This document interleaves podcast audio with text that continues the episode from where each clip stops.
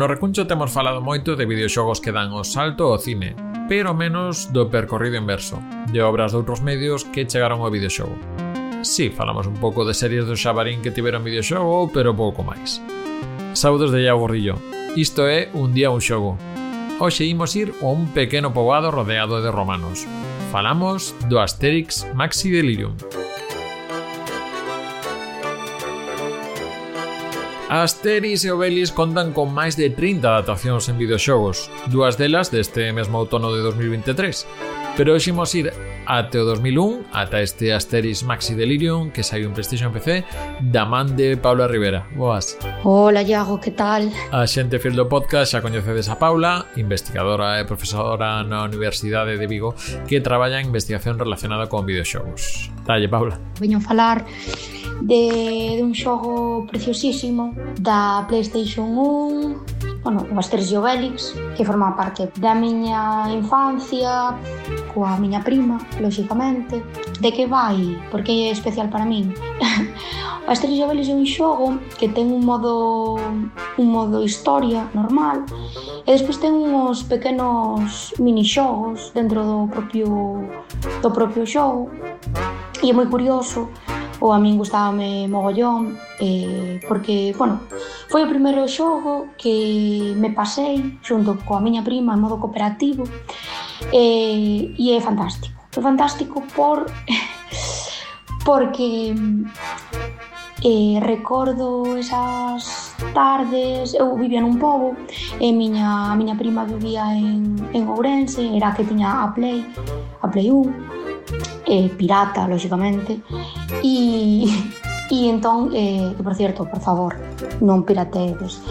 Pero, pero bueno, daquelas era, era o máis habitual.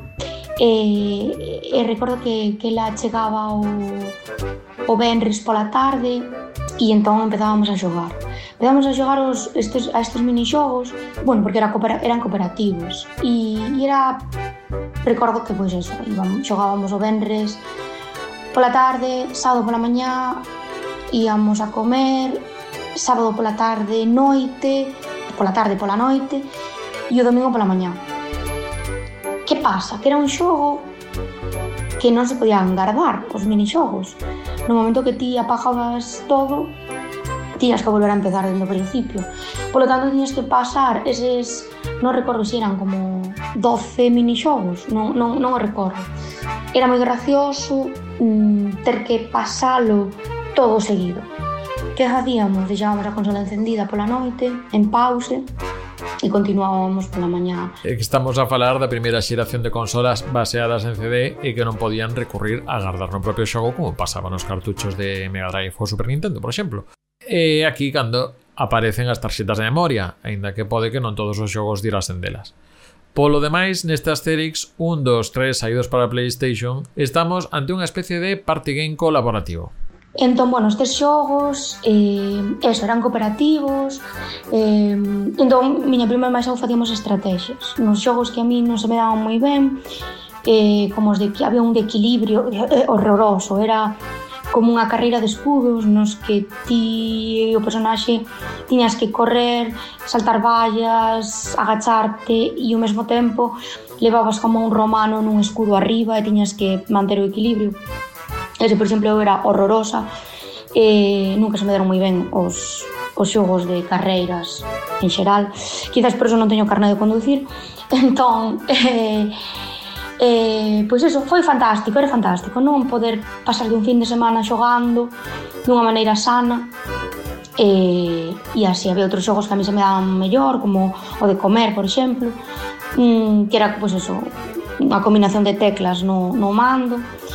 E, e recordo con moito agarimo e porque porque nunca o dábamos pasado non? Realmente era un xogo eh, no que sempre chegábamos como a última pantalla e por algunha razón a miña prima tiña que marchar eh, para ir o luns a clase. Entón, eh, sempre o, o fin de semana volvíamos a intentar. Ata que eh, non fai moito, de feito, o acabamos pasando. E foi como unha, unha liberación persoal, non? como un algo que tiñamos pendiente na vida. E, e foi fantástico, foi fantástico ver as letras do final, sin guardar o xogo e, e que realmente o modo historia era o de menos, era o que non nos gustaba, non, realmente non, porque eh, non había parte cooperativa. Quedas con algún minixo en particular?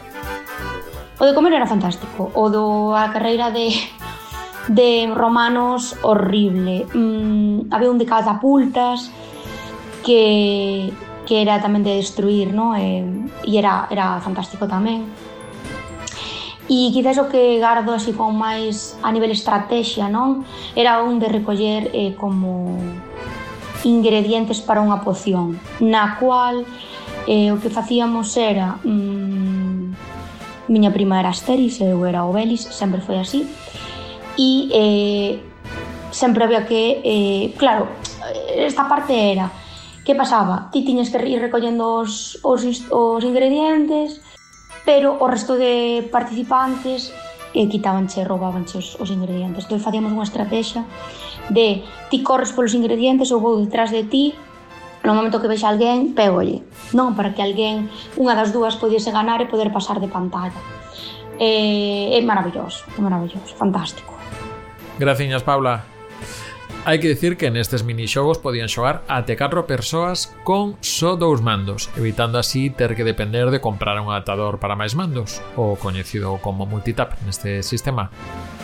Das 30 adaptacións das Asteris que dixen que existen, a meirande parte delas só saíron en versión PAL para Europa. E neste caso, este Maxi Delirium o Mega Madness, segunda versión, foi desenvolto por Infogrames e quedou no catálogo de PlayStation 1 e considerase abandonware en PC, non foi rescatado posteriormente.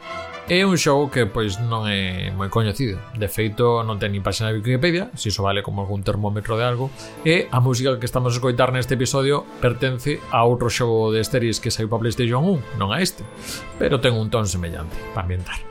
É un xogo simple que non pasará a grande historia dos videoxogos, pero que como tantos outros xogos de menor relevancia é suficiente para dar historias como a que nos acaba de contar Paula para quen se atopou con el e son historias que tamén merecen ser contadas.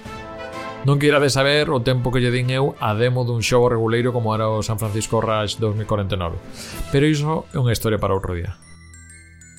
Isto é Un día un xogo, o micropodcast de Recuncho Gamer que tes en YouTube, Spotify e máis plataformas. Se che gusta o que facemos, necesitamos a túa axuda.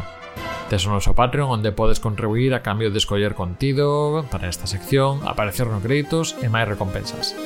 Tamén axuda que nos deixes un like e te suscribas se estás no YouTube. Mañá, outro xogo.